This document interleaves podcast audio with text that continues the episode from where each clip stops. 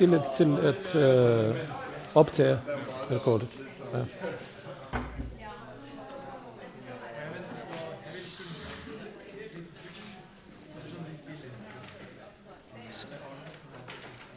Skal vi begynde, Marianne? Tak. Det står på norsk, men jeg kommer til at snakke dansk. Øh, men jeg håber, I vil klare det. En blanding af norsk skrift og dansk skrift og en øh, dansk tale. Jeg må sige, at deres udfordring vil være alligevel mindre end min. Jeg skal lytte til nynorsk og kanskje svensk. Men det er kunsten at opnå en tovejs kommunikation. Altså, hvad står der i Koranen, og hvad betyder det? Der er to forskellige ting.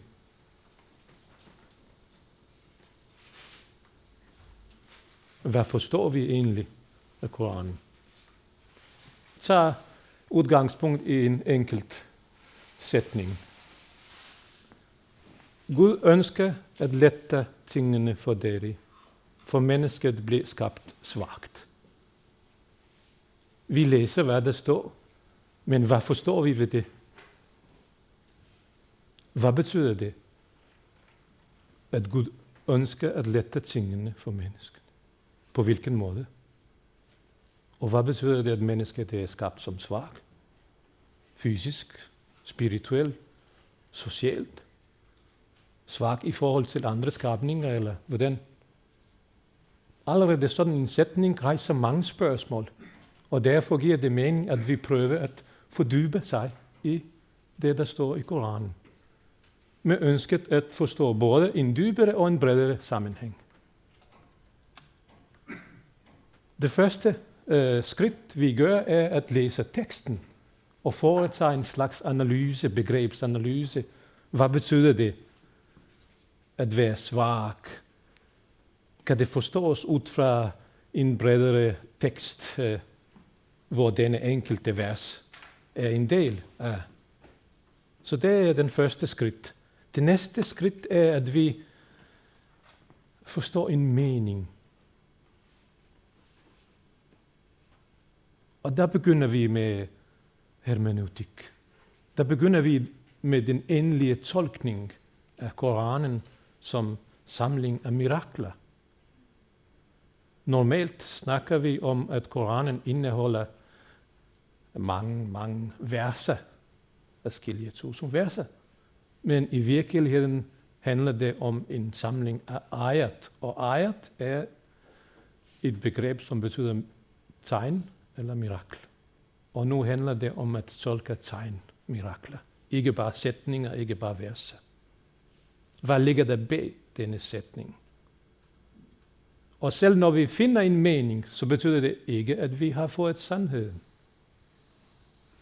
Hvad så, hvis vi har forskellige meninger? Hvad er den sande? Og hvad så, hvis vi slet ikke har tænkt på det, der kunne være den rigtige? Den kendte uh, eh, algerisk-franske filosof Mohammed Arkoun siger, at sandheden i islamisk forstand omfatter tre elementer. Det tænkte, det utænkte og det utænkelige. Og det er ret komplekst, men det er jo ikke forelæsning om Arkoun. Men det er vigtigt, at vi er opmærksomme på, at sandheden er meget mere bredt end det, vi kan forstå. Men det vi kan gøre, er at foretage en tolkning. Oddbjørn har allerede været ind på det. En mere traditionel øh, fortolkning af Koranen, som er hadith, øh, bygget på primær hadith. Det er tafsir. Og en, lad os sige, hermeneutisk, rationel fortolkning, som er kendt som tawil. Tawil egentlig betyder det modsatte af tanzil. Koranen bliver sendt ned, og så skal meningen med Koranen, eller formål og hensigt, føres tilbage til oprindelse. En, en tilbage øh, bevægelse med henblik på at forstå selve hensigt. Og det er det vanskelige. Så det er jo kort om udfordring med at læse Koranen, hvis man ønsker at forstå. Det bliver ikke mere nemt, hvis man øh, betragter Koranen som ombaring, fordi ombaring er en multidimensionel fænomen. Den inkluderer både denne og den hinsidige verden. Ikke bare den kommer fra den hinsidige, men den omhandler, giver billeder om den hinsidige, og denne verden står i sammenhæng med den hinsidige. Og det er jo en definition af islam, som er relateret til Koranen som ombaring.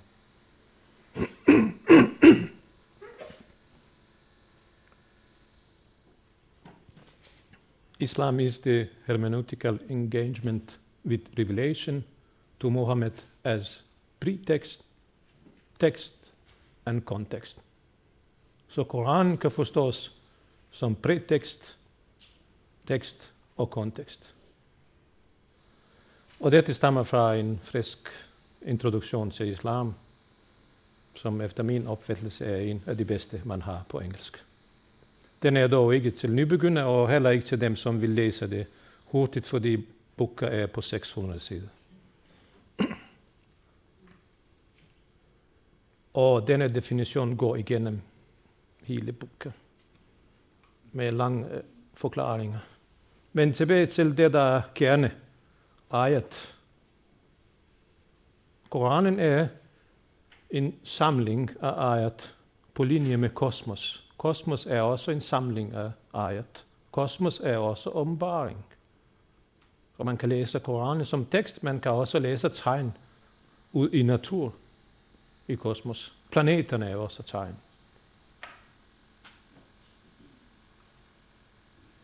Og det er en tanke, som stammer fra Koranen, hvor Gud opfordrer muslimerne til at reflektere både over teksten, den ombarede teksten og over verden. Og det er ikke så nemt, især når det gælder de vanskelige ayat, som er ikke muligt at forstå helt. Største del af Koranen indeholder relativt klare eller klare ayat. Muhkamatun. Og mindre del af koranske øh, tekster eller verser er flertydige eller allegoriske. Mutashabi hatun. Det er disse verser, som er komplekse. Og tolkningen af disse, de sidste, er forbeholdt dem, der har en dybere viden. Al-rasikuna fi al-ilm. Hvem er dem, som har en dybere mening? Fordi mening er, at man skal forstå Koranen som helhed. Shiiterne vil sige, at dem, der har en dybere mening, er imamer, dem, der har arvet en guddommelig visdom. Sufierne, muslimske mystikere, vil sige, at det er jo shaika, der har den dybere viden, som er rådfæstet i en grundlag viden. Andre, mere liberale, vil sige, det er jo de lærte ulama. Det står ikke klart. Eller står det kanskje alligevel, at ingen af de nævnte har den hele viden om disse verser. Det er, en, er forbeholdt Gud alene. Så der er to aspekter i det her. Både tolkning og legitimiteten. Og der har jeg lyst til at henvise til den shiitiske, eller rettere sagt ismailitiske tradition, som er mest kendt for Koran-hermeneutik. Og den bygger på en hadith, en overlevering, som siger, at alle koranske sætninger har flere forskellige tolkningsniveauer. En version af de siger, det er fire niveauer, og andre syv niveauer.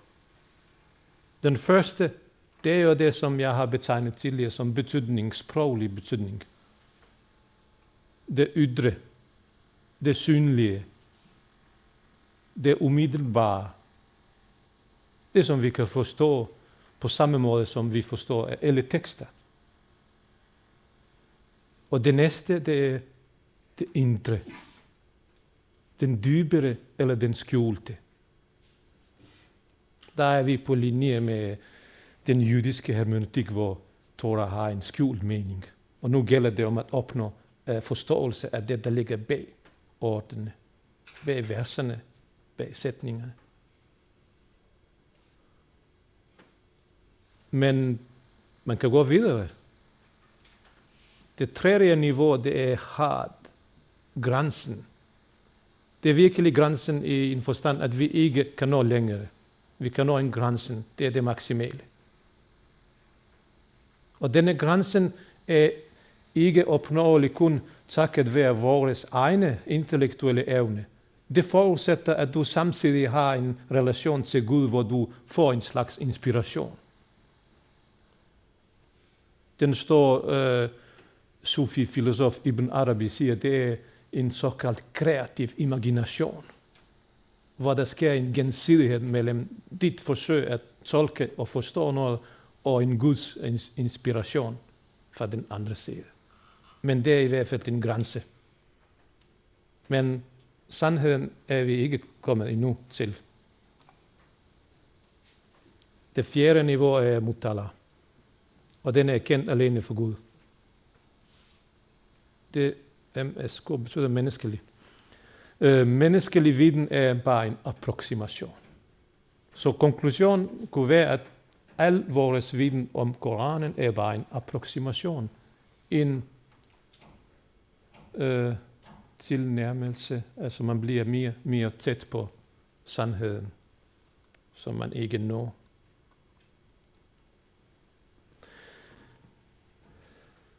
Og hvad hvordan løser vi denne udfordring?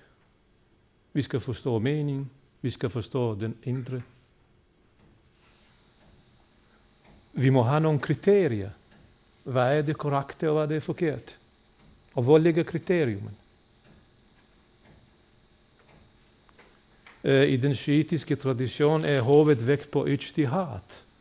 Det vil sige rationel fortolkning eller hermeneutik som bygger på fornuft. Det er fornuften, der leverer kriterier. Den mest fornuftige, det er den, der har den dybere mening. Men hvad så, hvis, hvis vi alle sammen er fornuftige? Hvad så? Og vi er der. Men fornuftige i den forstand, at vi alle har en dybere mening. Hvad hvis vi alle er eksperter i arabisk sprog, eksperter i arabisk historie, eksperter i profetens biografi? Hvad hvis vi alle har de samme kompetencer, men kommer med forskellige meninger? Hvordan løser dette sig? Sunni-traditionen siger ved ijma, konsensus. Så må vi en slags konsensus. Så legitimiteten hos Shia ligger hos imamer, der har en, en særlig, slags guddommelig viden. Og legitimiteten i sunni-praksis er i øh, fællesskab af de lærte, konsensus de lærte imellem. Og derfor har vi autoritative tolkninger af Koranen. Enten refererer til, til imamernes tolkninger eller ijma.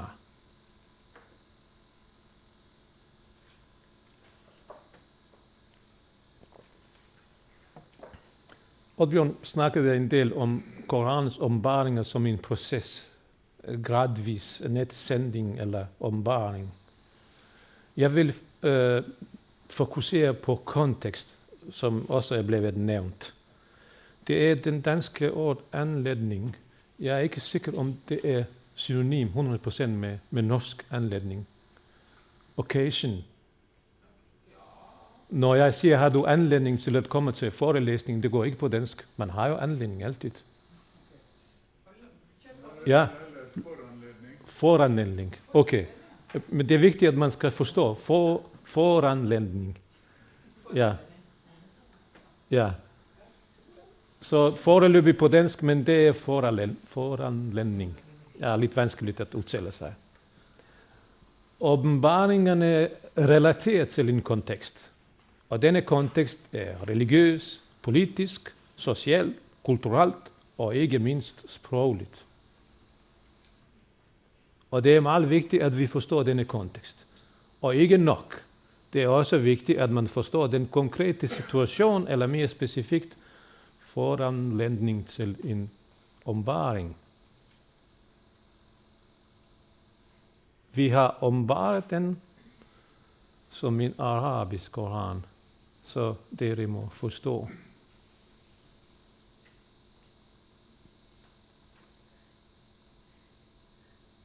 Allerede her kan vi se, at der er en kontekst. En arabisk koran, som kan forstås. Det betyder, at det er en arabisk samfund i Muhammeds tid. Og arabisk sprog og islamisering som en proces, som allerede blev talt om. Det er jo kontekst, hvor i Koranen er blevet åbenbart. Den generelle kontekst. Den generelle kontekst. Ja. Hvis det er, at i den islamiske tradition eh, uh, tales der om 107 og 4.000 profeter. Det er mange. Og alle er kommet med et budskab, som relaterer til en bestemt kontekst. Så mange tusind forskellige samfund, folkeslag, sprog og kontekster. Og det er den pædagogiske aspekt af ombaring. Gud ønsker at formidle sit budskab på en klart og forståeligt måde.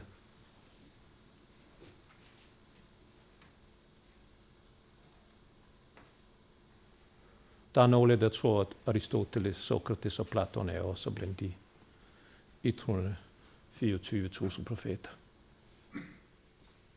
Det står i hvert fald klart, at vi har ikke sendt et sendebud uden i sit folkspråk, så han kan gøre alt klart for dem. Så fortsat sproget er meget vigtigt, men alligevel ikke nok. Den første tolkning byggede på sproget. Men øh, der udviklede man forskellige traditioner i koranfortolkningen, som inkluderer andre elementer. Ja. Vi kan starte med de åbenbaringer, som ikke har en særlig foran anledning, occasion.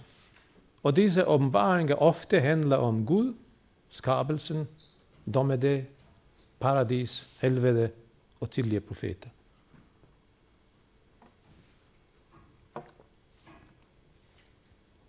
For eksempel den første åbenbaring. Det var ikke en speciel foranledning, at Mohammed fik den åbenbaring. Det var en intention fra Guds side. Og så står der forkynd, ikra, som, som kan også oversættes som reciter. Læs. Og det er jo et vigtigt vers. Vi går ikke ind i tolkning af dette vers. Det er bare et eksempel på en omvaring, som ikke var forårsaget af noget bestemt. Det mere interessante er, når vi går øh, i tolkning af øh, ayat, som relaterer til en konkret anledning, foranledning. Ja. Fordi disse er knyttet til en bestemt historisk begivenhed. Og her kommer vi til det næste punkt, at sproget, Koranens sprog i sig selv, kan ikke give grundlag for en tolkning. Hvis man ikke kender situationen, hvis man ikke kender baggrund og historien, så, så vil det være en ren sproglig tolkning, som kan være fejlagtigt. Muslimerne har i meget tidligt uh, historie udviklet en tolkningsprocedur eller en tolkningstradition, ashab al-nuzul, hvor man tager udgangspunkt i de konkrete situationer. Det er en praksis, som fokuserer på foranledningernes øh, dimension. Og derfor er det nødvendigt, at man kender både samfund og historien. Og især når vi snakker forskrifter om halal og haram. Det var eksempler med vin. Men det gælder jo alle forskrifter om halal, halal og haram. Reguleringer omkring familie og samfund. Og vi kommer jo til det.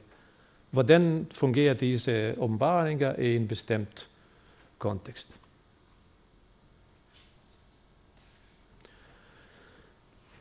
Jeg vil hellere have dere til at læse det. Jeg skal ikke læse det på norsk. Det, det vil ikke være kanskje klart. Det vers.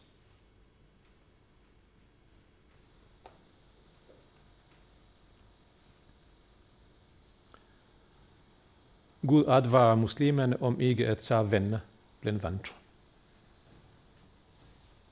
Kender man ikke kontekst, tager man verset ud af kontekst, så kan man konkludere, at muslimerne må ikke være venner med ikke-muslimer. Eller i hvert fald med, med vantro. Men hvis man kender situationen, så kan man alligevel forstå, hvad er meningen fordi det var åbenbart en situation, hvor Mohammed var ved at forberede sig til at generobre Mekka. Og nogle af hans trofælder begyndte at alliere sig med, med fjenderne og at samarbejde med dem. Og der kom denne åbenbaring. Så vil nogen sige, alligevel er det meget stærk, og så kan det kanskje tolkes på andre måder, ja. Men det er jo meget vigtigt, at man tager andre verser, som omhandler den samme problematik, og det er så den tematiske tolkning. Og andre verser, som siger om det, øh, det er noget helt anderledes. Gud forbyder ikke muslimerne at vise respekt bortset fra dem, som kæmper imod dem.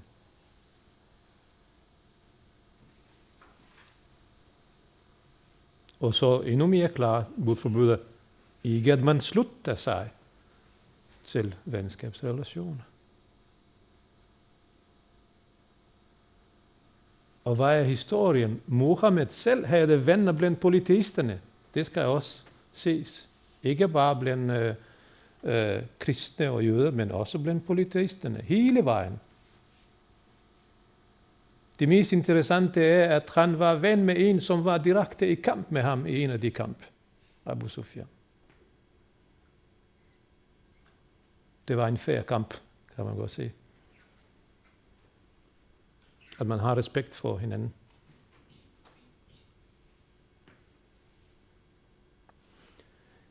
Ja, det skulle helst ikke stå så tæt, uh, eh, denne kontekst. Men hvis man læser, deres kvinde er en åker for dere, så gå til deres åker slik dere ønsker, alt på bedste måde. Hvordan vil man forstå denne vers? Og det interessante er, at folk har spurgt Mohammed om alt muligt, inklusive seks stillinger.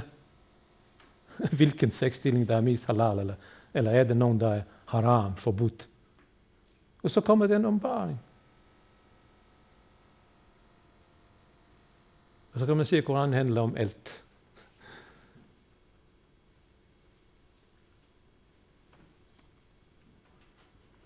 Uh, mit fokus skulle være faktisk på en af de surer, vi har foreslået til læsning, og det er sura 4, kvinde.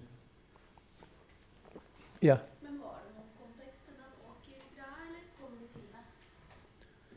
Var det bara det man tror det? Precis. Om var det någon kontext? Kontext. Mhm, mm. Den du om det kontext.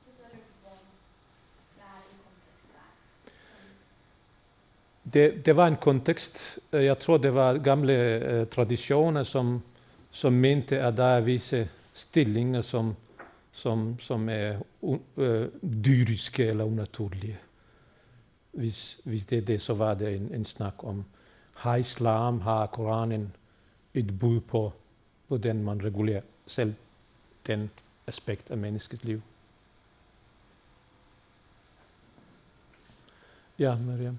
Har ikke den eh, brukt også til å forby prevensjon og Altså den, den forbyr vaginalt samleie, men forbyr andre former for seksuell kontakt. Den har blitt tolka i mange retninger. Ja, ja, det kan det være. Ja. Kender ikke til dem. Ja, det kan det være. Ja.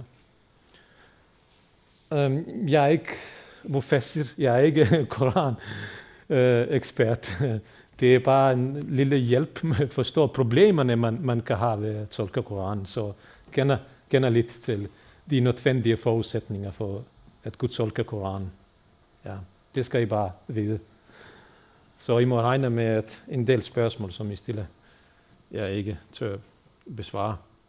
Men øh, ja, denne, denne sura er blevet åbenbart i en, en, en lang periode, en periode mellem 3. til 8. år efter hijra, det vil sige efter udvandring Øh, til Medina. Og det er historien. Og den, den bærer navn kvinderne, og den handler mest om kvinder.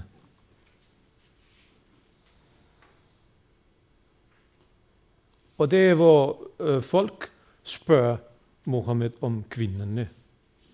Og så kommer en række ombaringer i den periode.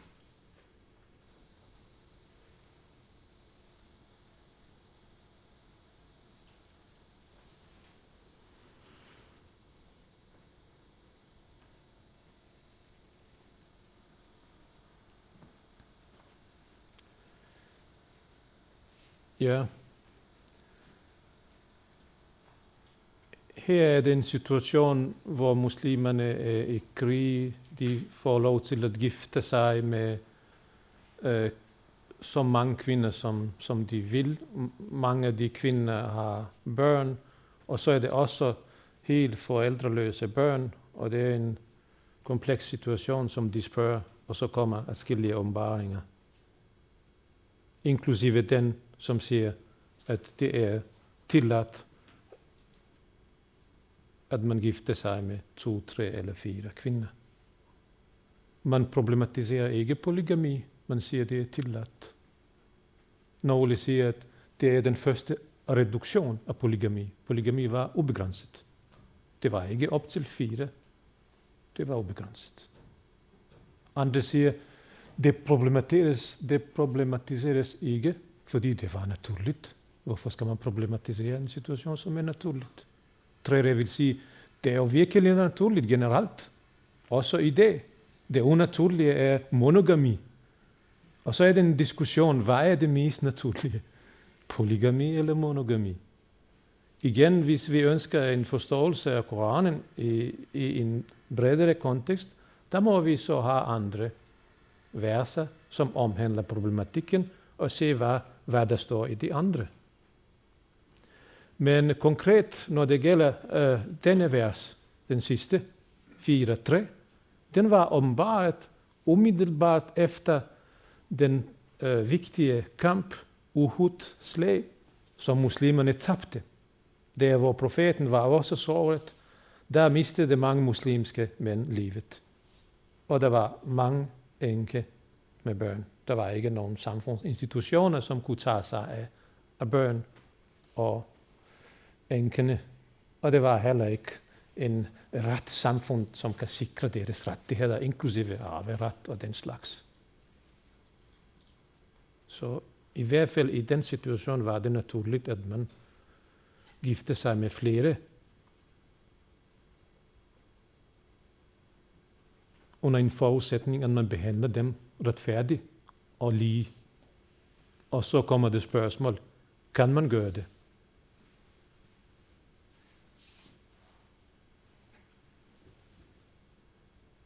Koranen siger, det er umuligt. Så hvis, hvis forudsætningen er, at man skal behandle disse hustruer ligt, så er polygami ekskluderet. Ikke muligt. Der er fortolkere, som siger, at det er jo ikke på den forudsætning. Forudsætningen skulle være, at man behandler dem retfærdigt. Det var kun Mohammed, der behandlede det, hans hustru ligt. Så der er masse diskussioner. I hvert fald kan den sidste vers bruges som en slags restriktion, meget stærk restriktion i forhold til polygami.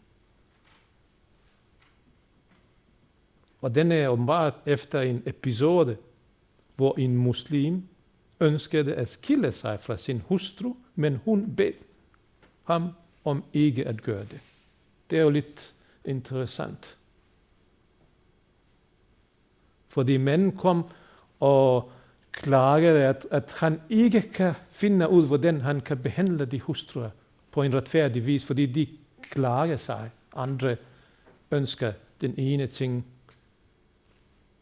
Og så være sådan, at det er virkelig svært at, at opnå en fuld lighed. En, en lige behandling. Både for dem, som ønsker at bevare ægteskab, og dem, som vil skille sig.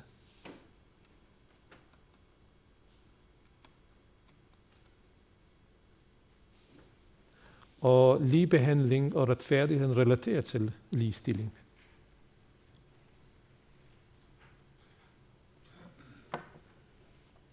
Ligestilling og vold. Vold kan være gensidig, det kan være fysisk, psykisk, forskelligt. Men nu snakker vi om primært fysisk vold.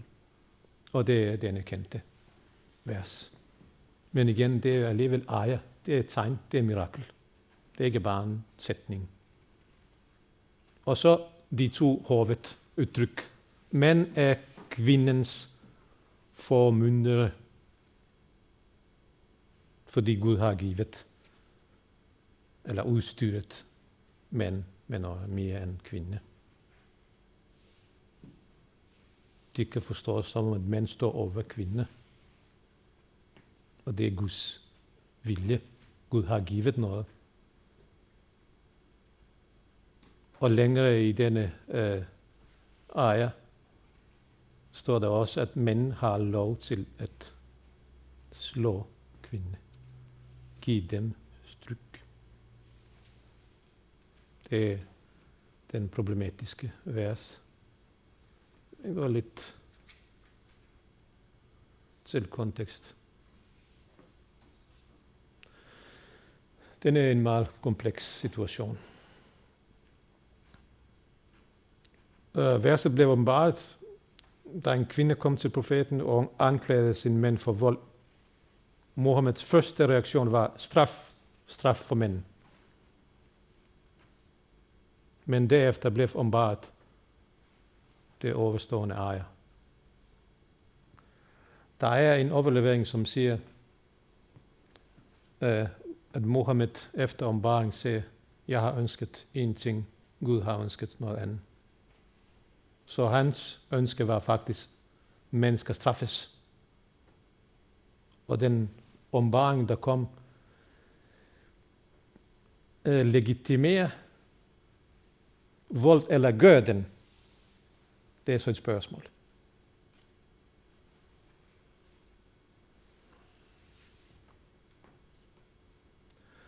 Og i den danske oversættelse står der, mænd står over kvinder. Gud har givet nogle fortrin frem for andre, og slå dem. Den er meget direkte bogstavelig. Og sådan er det.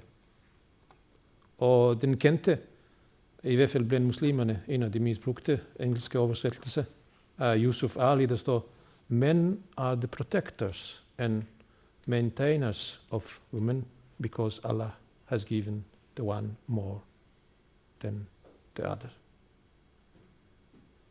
And thus beat them lightly.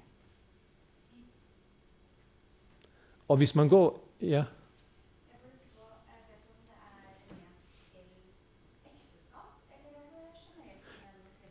mm, det er ægteskab. Det er ægteskab. Ja, øh, nu, nu har vi Koranens tekst, som er vanskeligt. Næste slide vil, vil påvise, hvor vanskeligt det er at forstå. Men vi har også profeten som eksempel. Og hvordan, hvordan var Mohammed som eksempel? Uh, I de tilgængelige, tilgængelige uh, kilder kan man forstå, at han aldrig har slået sine hustruer. Skal man bruge ham som eksempel, så får man ikke lov til at slå kvinde. Skal man bruge Koranen med en bestemt fortolkning, så får man alligevel lov. Men når du spørger imamerne, de fleste imamer siger, det er jo tilladt, men det er jo bare lidt. Det er tilladt, at man slår med misvak, det man renser tænderne. Og det hele handler om, at man forstår øh, begrebet kavamuna. Arijalu kavamuna Allah nisai. Mænd står over kvinder. Eller mænd er kavamuna. Hvad er kavamuna? Det kan betyde forskellige ting. At stå over som beskytteren. Fysisk, politisk, økonomisk. At udholde kvinder. Fordi i, i, i forlængelse af sætningen står, fordi de giver noget af det, de har. Og så det sidste, det er vadribuna daraba, at slå teste. Nu, nu slår jeg, nu gør jeg daraba, fordi jeg, jeg trykker på øh, uh, tastaturet. Når man spiller musik, så, så, så slår man også en musikinstrument. Men daraba betyder at sætte noget imellem, separere, gå væk og det sidste, det er faktisk det, som afspejler Mohammeds praksis. Han forlatte øh, de øh, kvinder, som han øh, var utilfreds med i en periode. Og det var den straf. Og det var den daraba, han i virkeligheden foretog. Andre verser i Koranen siger, de kvinder er en klædning for deri, og deri for dem eller hadith som siger, den bedste er, jeg, er den, der er bedst ved sin kone. Jeg må gå lidt videre, fordi der sker en progressiv udvikling. Man kan sige, at det var progressivt regressivt. Eh, Kvinderne bliver slået eller mindre slået. Men nu er det virkelig progressivt. Kvinderne får arveret. Som de ikke havde.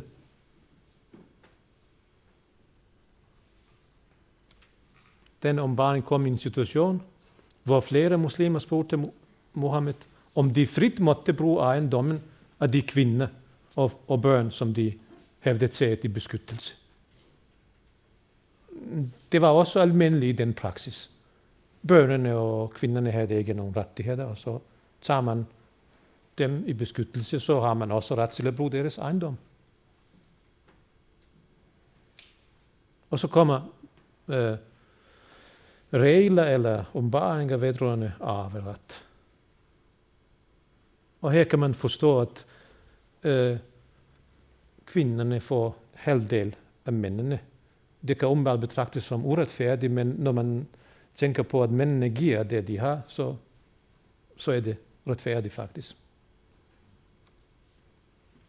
Og den sidste er blevet ombaret i en episode, der, der en enke med to døtre kom til profeten og fortalte om, at broren til hendes afdøde mænd fik arvet hele deres ejendom.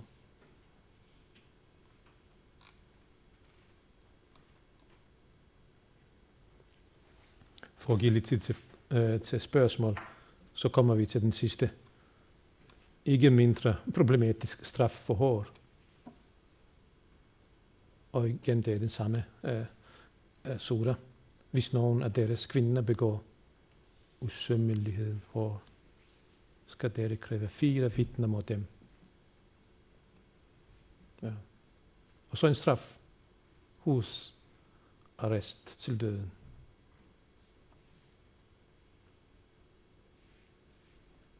Og så en mere specifik straf. Piskeslag.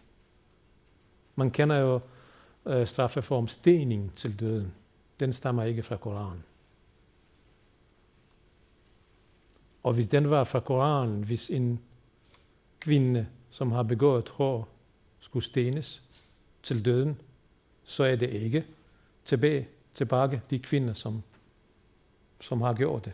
Men der kommer en vers, som siger, en hård karl må, bære, må bare gifte sig med en hård kvinde. Det vil sige, de er alligevel i live. Hvorfor ikke den regulering, hvis, hvis de er allerede stenet? Så det indikerer, at stening var ikke tænkt i Koranen som dødstraf. Og heller ikke en anden form for dødstraf. De er i live, og der er en regulering, hvem de skal gifte sig med. Og så det med fire vidne og straf for falsk vidnesbyrd. Det er jo meget omdiskuteret i det. Det kan vi komme tilbage. Fordi diskussion om straffen, stening til døden, det er ikke bare uh, Korans henvisninger, men også hadis fortællinger, som er meget forskellige, uh, ofte i strid med hinanden. Enkelte fortæller, at det er tilladt, andre det er forbudt. Og så er det slut. ja, uh, først dig.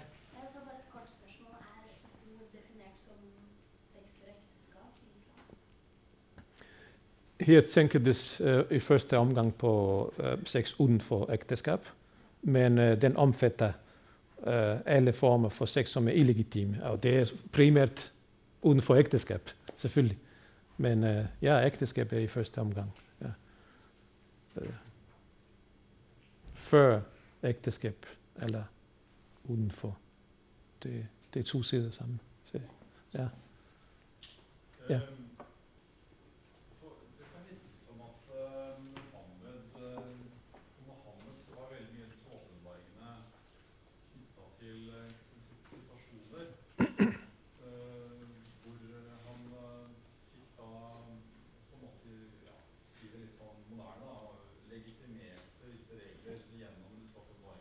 Mm-hmm. Mens Jesus da, i kristendommen virker som at han i mindre grad fikk åpenbaringer til situasjoner som ga regler. Altså at Jesu åpenbaringer var mer ikke-kontekstuelle. Mm. Mm. Mm.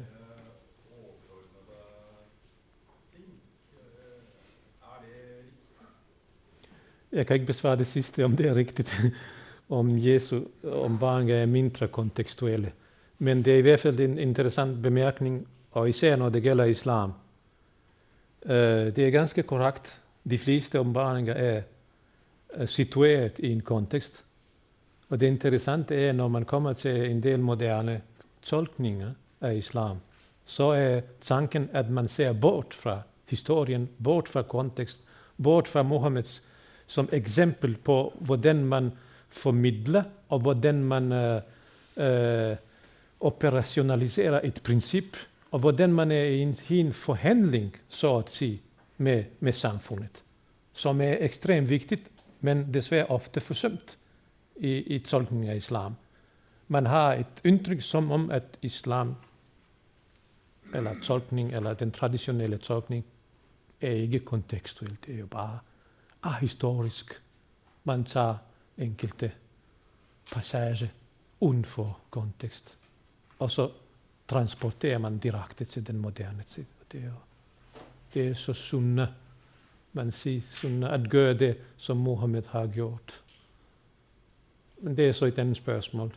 Sunna kunne være at gøre det, som Mohammed ville gøre nu. Og det er lidt mere vanskeligt, end at se, hvad han har gjort. Det er en proces. Og det er som Suruj siger, at gå videre med princippet. Ja. Er, er Jesu mindre øh, kontekstuel? Jeg tør ikke sige. Det må være kontekstuel, men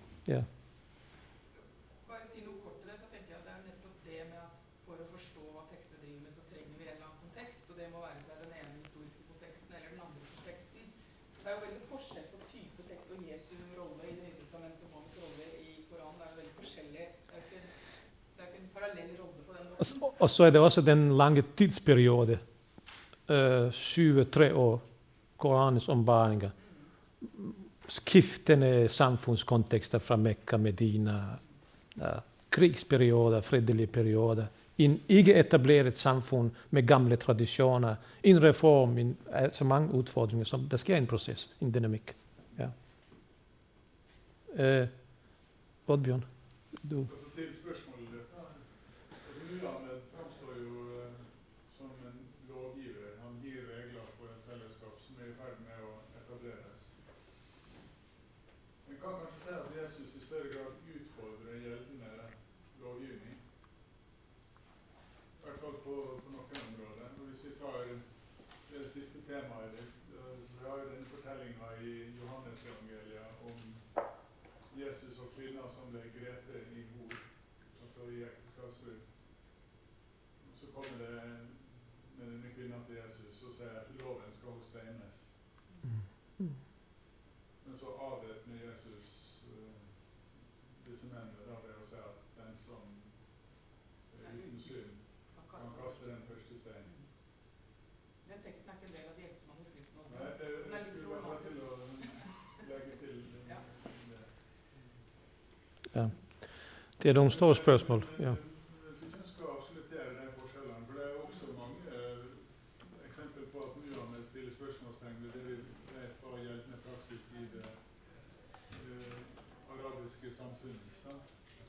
For eksempel Men, er det Jesus, men Muhammed er nok samlet sett i større grad en lovgiver da, enn enn Jesus, som kanskje mer har tyngdepunktet på å utfordre gjeldende lovgivning. muligens. Fordi der er en lovgivning. I Mohammeds tid er der faktisk ikke en lovgivning. Men Ja, det er en stor forskel. eh, Ja. Så, denne samtalen stopper ikke her, men eh, neste gang kommer du også, Safet. Ja.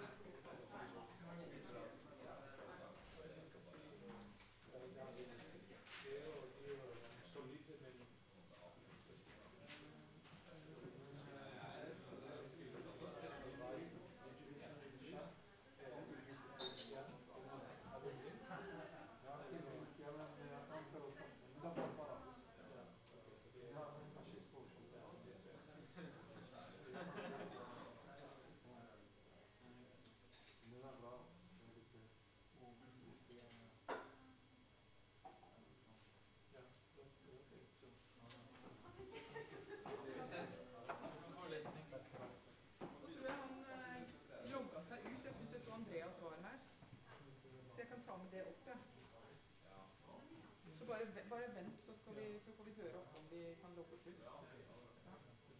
Men neste gang så får du, må du klare deg selv, altså. For da kommer ikke jeg.